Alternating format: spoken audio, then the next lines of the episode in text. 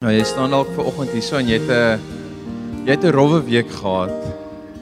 En al wat jy het, jy kan vir die Here dankie sê. Jy kan jou hande opsteek. En jy kan miskien net hierso wees ver oggend. Jy dra swaar las aan jou. Jy's moeg, jy's uitgeput, jy's uitgebrand. En die Here sê ek reik uit na jou toe. Ek kom na jou toe vir oggend. En ek omvou vir jou vir oggend.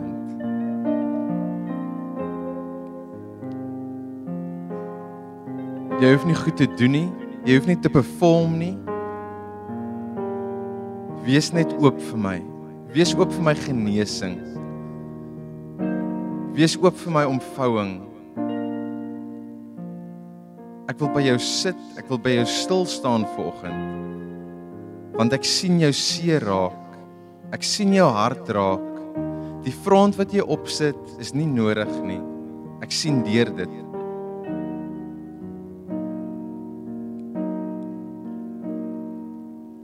Here, dankie vir hierdie geleentheid wat ons net kan wees.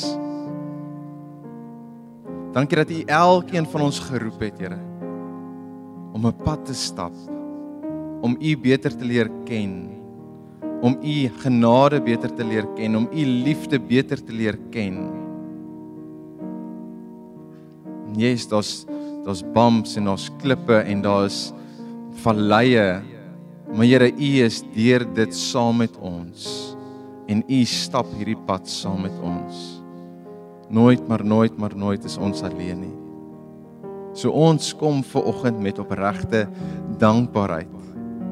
En ons sê Here dankie dat u met ons is. Saam as 'n gemeente sê ons dit ver oggend. Ons bid dit in Jesus naam. Amen. Goeiemôre gemeente. Hoe gaan dit met julle? So wat ons by die tieners doen is ons wys so duime, dan wys ons soos duim op as dit great was, duim medium as dit medium to rare week was of duim af as dit net slangbollie was, noem ek dit. So wys so 'n paar duime daar in die lig, lekker week medium slangbollies. Is okay as dit slangbollie is. As hy so hierdie week gegaan het, woe, soos jou petrol gauge, is dit ook okay? weet my liggie is aan. As jou liggie aan is, kan ons na die tyd gaan bid vir ons tanks. Ons kan 'n groepie maak in die parkeerterrein. Ek sal dit waardeer. Dis lekker om julle te sien. Dis lekker om vanoggend hier voorreg te hê om te kan deel. Soos Matthys gesê het, is ons in die week in die in die reeks wat lê voor. En terwyl ek dit noem Bertie en Nicolet, julle kan sommer daai PC klank daar reg kry. Ek het nog nie julle gewaarsku nie. Maar ek sal 'n video hier van my kant af cue. Julle kan net daai volume en goedjies reg kry. Maar ons is besig in 'n reeks wat lê voor en die gedagte van dit is ons is almal tans in 'n huidige seisoen. Ons het 'n verlede seisoen en daar's 'n seisoen wat kom. Ons almal is in 'n huidige seisoen. Ons het 'n verlede seisoen en ons iets wat kom. Hoe berei jy jouself voor vir dit wat kom? Hoe weet jy dit is hier? dit wat kom. Uh hoe weet jy dit dit breek aan dit wat kom.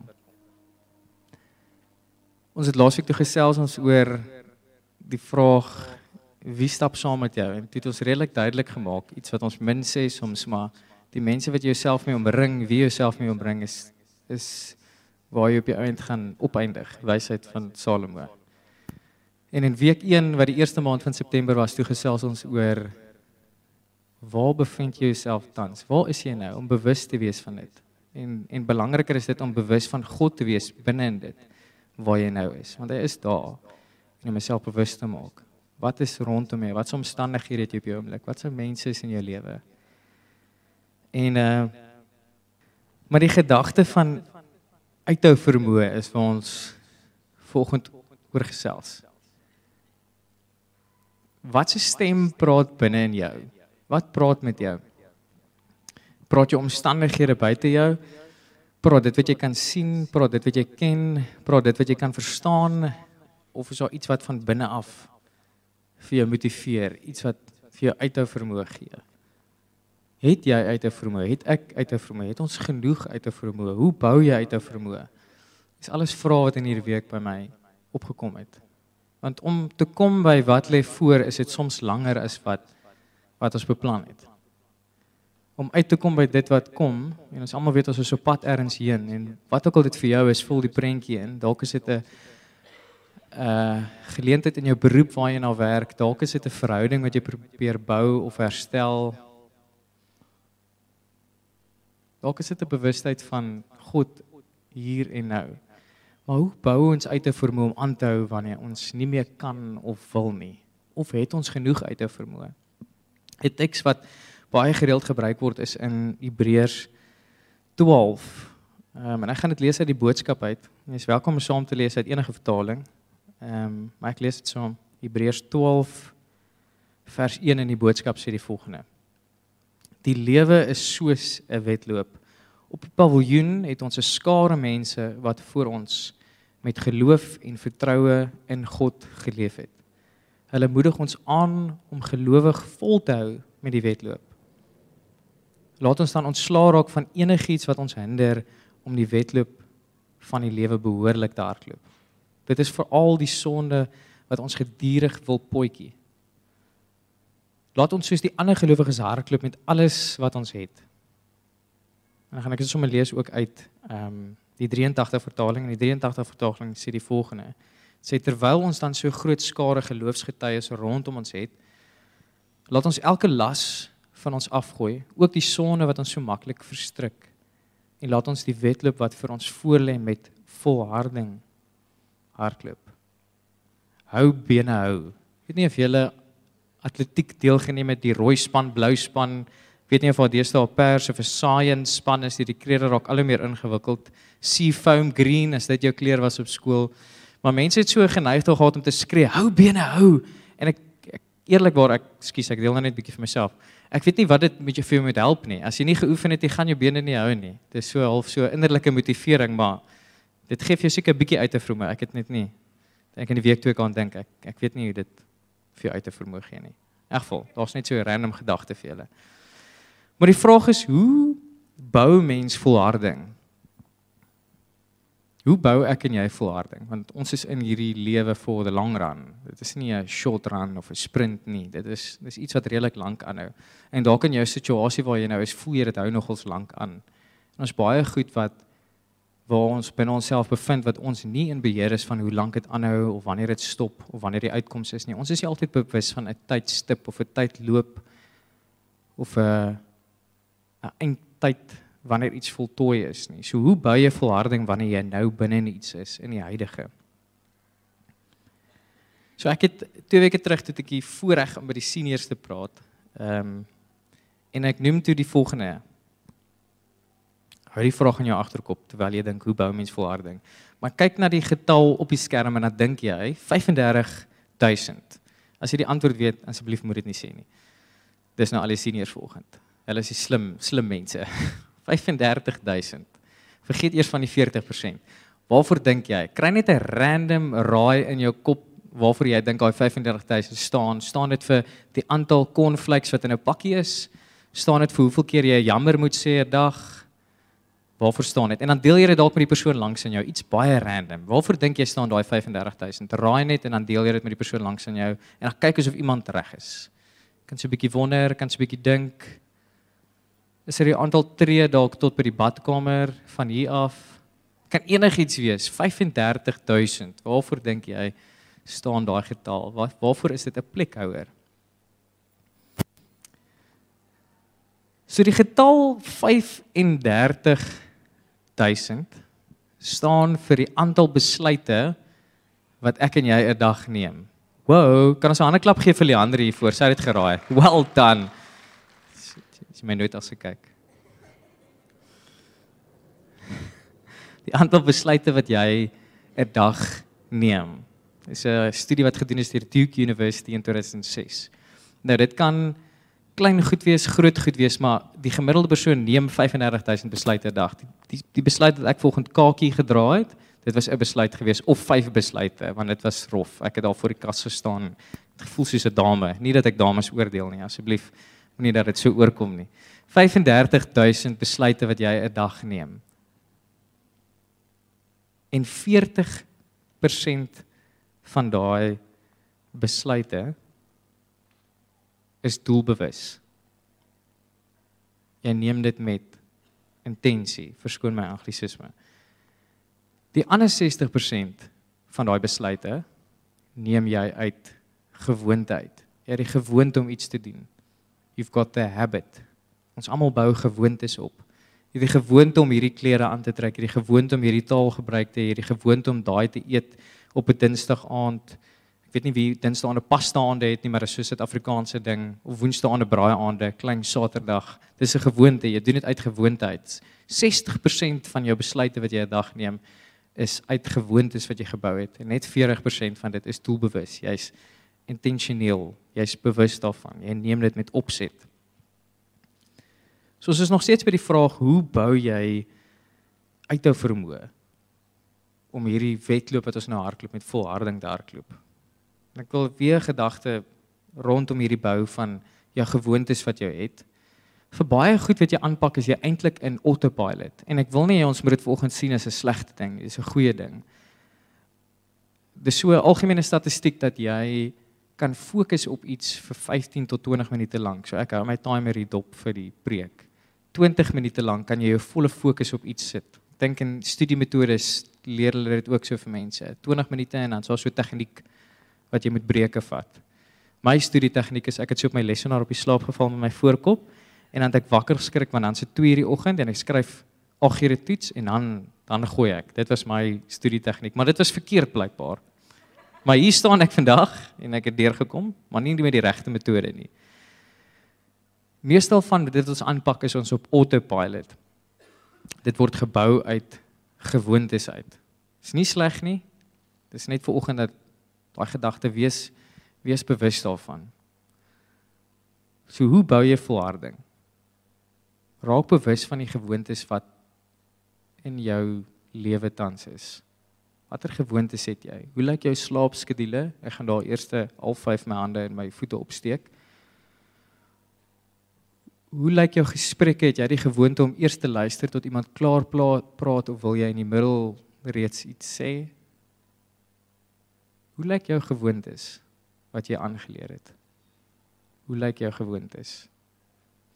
Ons lees 'n baie iets diep wat verder uitgebou gaan word, maar ons gaan net klein 'n klein gedagte volgende uitvat en dis in Daniël 6. En as jy wil kan jy jou Bybel saam met my oopblaai na na Daniël 6 toe. Daniël 6. En net so 'n bietjie konteks vir jou of agtergrond wat algemeen bekend is van Daniël, maar net om ons weer te verfris. So in Daniël, die boek is Daniël en uh Jerusalem is in ballingskap. So hulle is weg van hulle konteks afgevat van dit wat hulle ken, hulle taal, hulle kultuur, hulle opvoeding, die manier hoe hulle goed gedoen is en hulle word nou Babylon toe geneem, want Babylonie het hulle oorgeneem en teruggeneem na Babylon toe. En hier word Daniël gekies tussen 'n groep mans en hy moet 'n nuwe taal, 'n nuwe kultuur en nuwe onderrig ondergaan. Alles is anders, alles rondom hom wankel. Alles wat hy geken het is nie meer daar nie. En ek dink elkeen van ons gaan deur soms deur sulke tyd. Dit dit wat jy so lank geken het, so lank bekend mee was is nou anders. En dit het so 'n manier om mense te potjie. Dit het so 'n manier om jou omver te gooi. Dit het so 'n manier om jou te wil laat opgee. Dalk is daar iemand vanoggend wat in so 'n geleentheid sit of so scenario's het. Dalk is dit jy. Dalk is dit ek. Dalk is dit die persoon langs in jou, maar eers meer as nêrens, as ek dit so kan sê. Meer mense as wat ons dink is tans in omstandighede waar alles wat jy ken en geken het vir jare lank is is anders nou. Anders. Daniel het volharding op die volgende manier gebou. Ek lees Daniel 6 van vers 4 en ons is in die gedagte die manier hoe jy volharding kweek is met gewoontes. Daniel 6 vers 4 sê die volgende: Daniel was 'n besondere bekwaam was besonder bekwaam en het homself van die amptenare en die res van die hoofde onderskei. So selfs al was hy in hierdie ander se konteks het hy nog steeds uitgeblink met sy werk vir die goewerneurs. Die koning het selfs oorweeg om oor sy hele ryk aan te stel. Die amptenare en hoofde het toe begin fout soek, natuurlik omdat hulle jaloers was, om iets oor sy werk teen Daniël te bring. Hulle kon nêrens enige foute kry nie. Daniël was betroubaar en kon niks gekry word waaraan hy laat, nalatig was nie. Omdat hulle niks teen hom kon kry nie, het hierdie mense toe besluit dat hulle op grond van sy godsdiens iets teen hom sou kry. 'n Groep van die amptenare en hoofde is toe na die koning toe. Hulle sê vir hom koning Darius, mag u nog lank lewe. Al die hoofde in die ryk, die hoofgouverneurs, die hoofamptenare, die raadgewers en al die gouverneurs beveel by u aan dat die koning 'n dekreet uitvaardig en bekragtig dat enige een wat gedurende die volgende 30 dae enige god of mens behalwe die koning vereer in 'n hok met leeu's gegooi sal word. En ek dink baie van ons het al hierdie teks gehoor of oor dit gelees. Maar iets wat hierdie week by my opgeval het is Daniël het 'n stelsel in sy lewe gehad, 'n gewoonte. Dis maar net een van sy gewoontes. En in Daniël 6 vers 11 lees ons dit dan toe Daniël hierdie nuus kry, hy kan nie meer sy God aanbid nie. Toe doen hy die volgende. Toe Daniël hoor is vers 11 dat die wet onderteken is, het hy huis toe gegaan, hy het daar 'n venster gehad wat oop was in die rigting van Jerusalem en hy het daar 3 maal 'n dag op sy knie gegaan om tot God te bid en om te loof soos hy gewoond was om te doen soos hy gewoond was om te doen soos dit sy gewoonte was sê party vertalings. 3 maal 'n dag dan praat dit van sy venster wat oop is en na Jerusalem toe gerig. Sy aandags was gerig tot God. Sy hart sy gedagtes. Ons bid nie vandag hopelik met oop vensters in 'n rigting of iets nie want dit het nie enige betekenis noodwendig nie, maar die betekenis van dit vir Daniël was om sy aandag op op God te rig. Hy het 3 maal 'n dag die gewoonte gehad om te bid en alles van hom te senter en sy fokus op God te plaas. En dit is een van sy gewoontes en dit het hom deurgedra waar alles anderste was. Taal, kultuur, onderrig, sy hele omgewing, daar waar hy bly, sy vriende, waar hy groot geword het, alles anders is dit by eintlik sy sisteme, sy gewoontes wat hy opgebou het wat hom volharding gegee het om om aan te hou. En Daniel is 'n suksesstorie in in die Bybel as jy dit sou wil sien. Groot goed ondergaan en gehou, deurgedruk. Wat is jou gewoontes? Wat is my gewoontes? Want jy kan gewoontes bou om jou volharding te gee. Wat het jy die laaste 24 uur gedoen? Want 60% van dit was gewoonte gewees. Soms as ons sukkel, soms as ons swaar trek, dan is jy bewus van goed wat ons nie intentioneel doen nie. Wat is jou gewoontes? Wat is my gewoontes? Hoe bou ek volharding? Ter te begin te kyk wat is die gewoontes in jou lewe? Ons twee gedagtes wat vir my mooi was. Hierdie is 'n bekende aanhaling en dit sê our habits will make or break us. We become what we repeatedly do. Dit kom uit 'n boek uit Atomic Habits. Our habits will make or break us. We become what we continually do. Craig Rochelle sê die volgende, hy sê It's the things that no one sees that brings the results everyone wants. Die gewoontes wat jy bou en wat jy het in jou lewe en belangstel om te bou, voel soos klein goed, dit voel soos nuttelose goed soms. Jy wil die groot goed aanpak, die powerhouses, daai doelwitte bereik, het 'n sheet oop in jou kamer of by jou werksplek en ba ba ba. Maar begin by die klein. Waarmee vul jy jou dag wat jy uit gewoonte uit doen? En is my ironies hoe natuurlik het die goewerneurs besluit Daniel mag nie meer bid of God vereer nie want dit gaan oor sy godsdiens maar dit was ook 'n stelsel van hom. So dis ironies dat die eerste ding wat hulle aanval is een van sy stelsels. Dis aan die ander kant van dit, die ander kant van die coin. Dink aan. Dit wat jy laat aanhou wanneer dit moeilik raak, is dit wat jy uit gewoonte uit gebou het. En ek wil soos 'n disclosure gee voor ek in die volgende punt ingaan. Ek is nie 'n drawer nie. Daar kry ek dit van my bors af. Oeg. Voel goed om dit van die voorg af te sê. Ek het 'n illusie vir almal geskep dat ek 'n drawer is en ek moet nou na al die jare bieg ek is nie een nie. Ook 'n grap. Ek stuur nerdag stuur ek vir Matthys 'n 'n screenshot toe ek in Jack Miller, ehm um, ek bly in Boston en ek het toe daar gaan draf en ek sê, "Just bro, kyk, wel, kyk haar." Sê ek vir myself, "Well done." En sy respons was, "Jy moes verder draf." Ek sê, "Come on." Ek's nie 'n drawer nie. So ek moes hierdie week by 'n groot kundige gesit het. Pastoor Piet Venter moes my opgelei het Hy het my nie genooi na 'n draf of 'n maraton nie. Ehm um, en ek's bly daaroor. Maar die volgende ding wat uit te vermoë bou is jou stap styl. Dit is my baie interessante ding wat deur my kop gemaal het hierdie week. Wanneer jy 'n maraton hardloop, wanneer jy iets aanpak in die lewe, die styl en die spoed waarteen jy dit benader, moet wissel van punt tot punt. Punt A tot punt B klim jy dalk, punt B tot punt C stap jy punt C tot punt D sprint jy, maar jy kan nie die hele wedloop sprint nie. Jy kan nie altyd al jou energie gebruik nie. Jy moet doelgerig hardloop. Jy moet jou ratte ons is gewoond aan soos 'n 'n 'n kar ry. Dis al so 'n tweede instink. Dis al so gewoonte wat ons gevorm het ratte wissel. In die begin, ek wil net so 'n klein storie deel. In die begin toe ek kar leer bestuur het en dit was in so 'n um industrial area gewees en 'n en 'n rat 'n ratkaskar, 'n manual kar. Het mos so 1 2 3 4 en dan party 6 as jy wil fancy wees, maar daar's so eh, streepies wat jy moet volg. En ek het in my kop heeltyd die ding gehad dat as jy sê net maar hy's in rat 1 en jy gaan af, dan gaan hy na links onder. Ek weet nie of dit nou sin maak nie. Maar as jy mos afgaan van eerste rat of tweede rat of waar ook al opgaan van tweede rat, dan gaan jy neutral toe, so jy gaan middel toe. Maar in my kop is ek soos, okay, jy gaan as jy links bo is wat eerste rad is, dan gaan jy af en dan moet jy middel toe gaan en dan gaan jy op derde toe of te so jy, jy moet die patroontjie volg.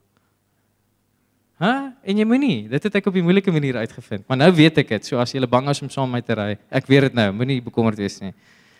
Maar ons ons het so baie gewoontes en goed wat ons natuurlik doen, maar ons ken die gedagte van 'n uh, ratkas kar en jy moet soms as jy by 'n bult op van lae rat sê teen 'n groot spoed is hoë rad. Jy moet jou stapstyl, jou spoed, jou rad verander. En die Bybel gebruik klomp voorbeelde en gebruik dit hardloop hier stap daar en dit is eintlik vir my mooi gewees om te kyk daar in die week. Maar die Bybel praat ook van stap en hardloop en benadering wat jy vat. Maar maak nie saak wat jy doen waar jy nou is nie. Of jy by die eindpunt is of jy by die beginpunt is, waar ook al jy is. Uh, Piet deel met my iets in hierdie week, die gedagte en dit is my baie mooi geweest en dit sit in my kop van daai tyd. Dit sê maak nie saak wat jy doen nie. Of jy wil opgee of jy nie vinnig kan nie of jy letterlik net tree vir tree of net jou groot toon besig is om 'n millimeter vorentoe te skuif. Die gedagte van relentless forward motion. Teen alle tye beweeg net. Maak nie saak wat jou stapstyl is of jou spoed is of waar jy nou is nie. Hou aan beweeg. Hou aan opstaan. Môre is 'n nuwe dag. Klomp genade. Hou aan beweeg. Ons bekende teks in Galasiërs 5 en dit sê die volgende. Ek gaan dit deur die NIV vertaling uitlees. Dit sê: "So I say, walk by the spirit, and you will not gratify the desires of the flesh. For the flesh des desires what is contrary to the spirit, and the spirit what is contrary to the flesh. They're in conflict with each other, so that you are not to do whatever you want. Walk by the spirit. En ek gaan sommer so terwyl ek praat oor daai gedagte van loop gaan ek hierdie speel. Jy is welkom te kyk daarna. En dit is 'n Rubik's cube. Dis nou deesdae groot. Elke tweede tiener is So as ek boodskap op Vrydag gee. Het jy gehoor? Mm, ja, ek sê. Ja, okay. Dis reg. Maar dis dis hierdie spoed wat hulle hardloop. Ons kyk hoe vinnig ek kan solve, draai, draai, draai en is hierdie dis hierdie ding nou. En ek gaan lees 'n bietjie op oor die oor die Rubik's cube. En oorspronklik het mense gedink uh, meneer Ernu Rubik homself het hierdie uh, Rubik's cube gebou sodat jong kinders of tieners die gedagte van vorms kan leer. Maar hy sê toe hy kom uh uit nadat hy 'n paar jaar nadat hy dit ontwerp het en hy sê die volgende. Um ek lees 'n uh, aanhaling uit 'n aanhaling uit 'n artikel uit en dit sê Rubik's challenge was figuring out a way to allow the cubies, dit was my oulik geweest dis wat hy dit noem, die cubies. The cubies to slide and rotate alongside one another while holding together as a unit. His key insight lay in realizing that the individual blocks hinged around the core. Die grootste uitdaging en dit wat hy probeer doen het is dat elke individuele punt kan draai soos dit moet draai, maar alles is verbonde aan so 'n kern en hopelik het jy dit daar, daar's die kern. Alles kan draai en alles kan beweeg en alles kan verander en alles kan vorm en jy kan alles probeer. Maar daar's een ding wat konstant bly, bly. Dit is hierdie kern waar rondom alles draai. En vir my iets spesiaals geweest toe ek lees daai daai woord walk in Galasiërs 5. Dit is 'n Griekse woord wat beteken om stadig te stap sodat jy alles rondom jou kan sien. Sodat jy kan analiseer aan elke kant wat aangaan.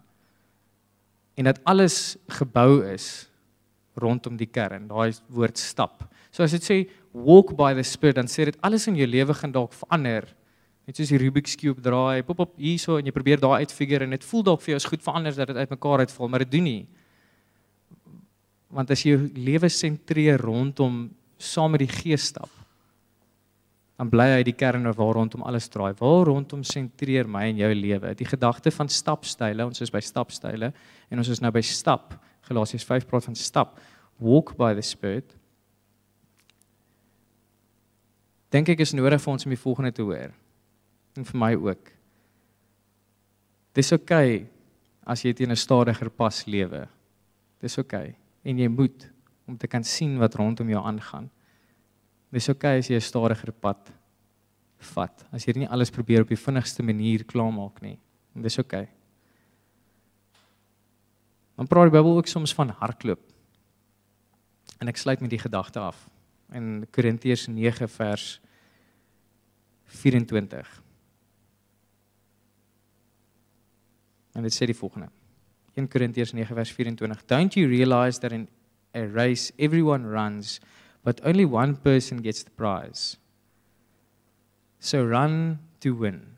All athletes are disciplined in their training. They do it to win a prize that will fade away, but we do it for eternal prize. So I run with purpose in every step. Is my mooi. En die volgende gedagte is ongelooflik mooi. I'm not just shadow boxing, sê Paulus. Hy slaan nie net houe en dan niks toe nie. Hy hardloop doelgerig en wanneer hy vinnig hardloop en wanneer jy goed vinnig in die lewe aanpak, gebruik jou energie spaarsamig. Ek het gesê ek sluit af met die gedagte en die gedagte is ken jou kaart. Ken jou kaart. En ek gaan 'n kaart voor julle sit nou. Ek wil hê jy moet dit half vergelyk met die kaart waarin jy nou is. Hoe jy jou lewe en jou week en jou dag uitlê. En hierdie is 'n ultramaraton ehm um, een van die bekendste indien nie die bekendste in die wêreld nie as ek dit reg verstaan. Hy is 170 km lank. My word. En ek het maar net 4 km gaan draf rondom Jack Miller. 170 km. Hy het 10000 meter wat jy klim deur jou deur jou wedloop die die tydstip wat vir jou vat om dit klaar te maak, wat die langste wat jy kan neem, is 44 ure as ek dit reg het, né? 44 uur. So dis amper 2 dae. So baie hardlopers sien twee sonopkomste. Crazy is dit. Terwyl hulle wakker is. Hulle deernag nou nie, nee, hulle hardloop. Hulle sit nie en chips eet en 'n movie kyk nie. Hulle hardloop. Hulle hardloop. En as ek dit reg verstaan, strek dit soos jy hardloop tussen die grense van 3 lande Dis ongelooflik. Maar hulle ken hulle kaart, hulle bestudeer voor die tyd hulle roete. Hulle weet waar die klim is, hulle weet waar hulle moet loop, hulle weet waar hulle moet hardloop, hulle weet waar hulle moet kruip en waar hulle moet rol. Dit is iets besonders. Hulle weet waar dit dalk koud raak wanneer hulle op 'n sekere punt uitkom en hulle oefen ongelooflik hard vir hierdie wedloop. So my vraag dan vir ons is, ken ons ons stapstyl? Is ons besig om ons energie spaarsamig en doelgerig gebruik of is ons besig om te shadow box? Is jy nie dalk besig om uit te brand omdat jy besig is om energie in te stoot in iets wat die Here dalk nie vir jou inlei nie? Iets waar jy net jou eie kop begin volg het. Is dit nie dalk hoekom ons uitbrand omdat ons nie ons kaart ken of ons rigting ken nie? So die vraag wat ons vanoggend gevra het is hoe bou jy uit te vermoë? Twee klein gedagtes en dis gedagtes wat jy moet inkorporeer wat ek moet inkorporeer in my in my pad met die Here. Wat is my gewoontes wat ek het wat my dag vul? En tweedens volg ek die regte stapstyl op die regte punt waar ek nou is in my lewe? Of is ek besig om te shadowbox energie te te verbrand? Wat lê voor? Voor ons daar uitkom, gaan ons eers met uithou vermoë bou. En as jy ooit die UTMB doen, sterkte vir jou. Ek gaan hom nie doen nie. Ek wil dit sommer klaar sê as enigiemand daai verwagting gehad het. Kom ons bid saam. Here, dankie dat U die God is wat altyd met ons is. Waar ook al ons nou is, wat ook al se fase ons in ons lewe is. Waar ook al ons op hierdie wedloop is tans. Here uithou vermoë is iets wat ons nie baie op fokus nie of soms eers besef wanneer dit te laat is. Ek het nie uithou vermoë nie. Ek het nie goed in my lewe ingebou om die reis van hierdie lewe met volharding te hardloop nie. En ek vra dat U vir ons in vandag en in hierdie week sal bewus maak hoe ons saam met U beginsels of bewusmaking kan inkorporeer in ons stap met U dat daar uithou vermoë sal wees. Dat kere wanneer dit swaar is, kere wanneer dit 'n klim is, kere wanneer dit moeilik is, dat U vir ons al reeds voor dit sou gelei het, berei jouself voor, berei jouself voor. En dankie Here dat U die God is wat ons liefhet en ons wil lei en ons wil vorm en ons wil help. En as al mense is ver oggend wat hier sit in hierdie banke wat dalk uitgebrand is, wat dit dalk voel vir hulle of dit te laat is, Here dankie dat u genade altyd ons optel. Altyd nuut is elke dag. Altyd ons vul, altyd ons gedagtes kan vorm. Altyd meer as genoeg is om ons te vul wanneer ons leeg voel, om vir ons te wys waar daar areas in ons lewe is wat veroorsaak dalk dat ons uitbrand in 'n area van ons lewe. Lei ons met u wysheid, Here, lei ons met u gees, lei u ons met mense in ons lewe, deur mense in ons lewe, soos ons laasweek oor gesels het mag ons bewus wees van U wat hierdie wedloop saam met ons ten alle tye is. In Jesus naam. Amen.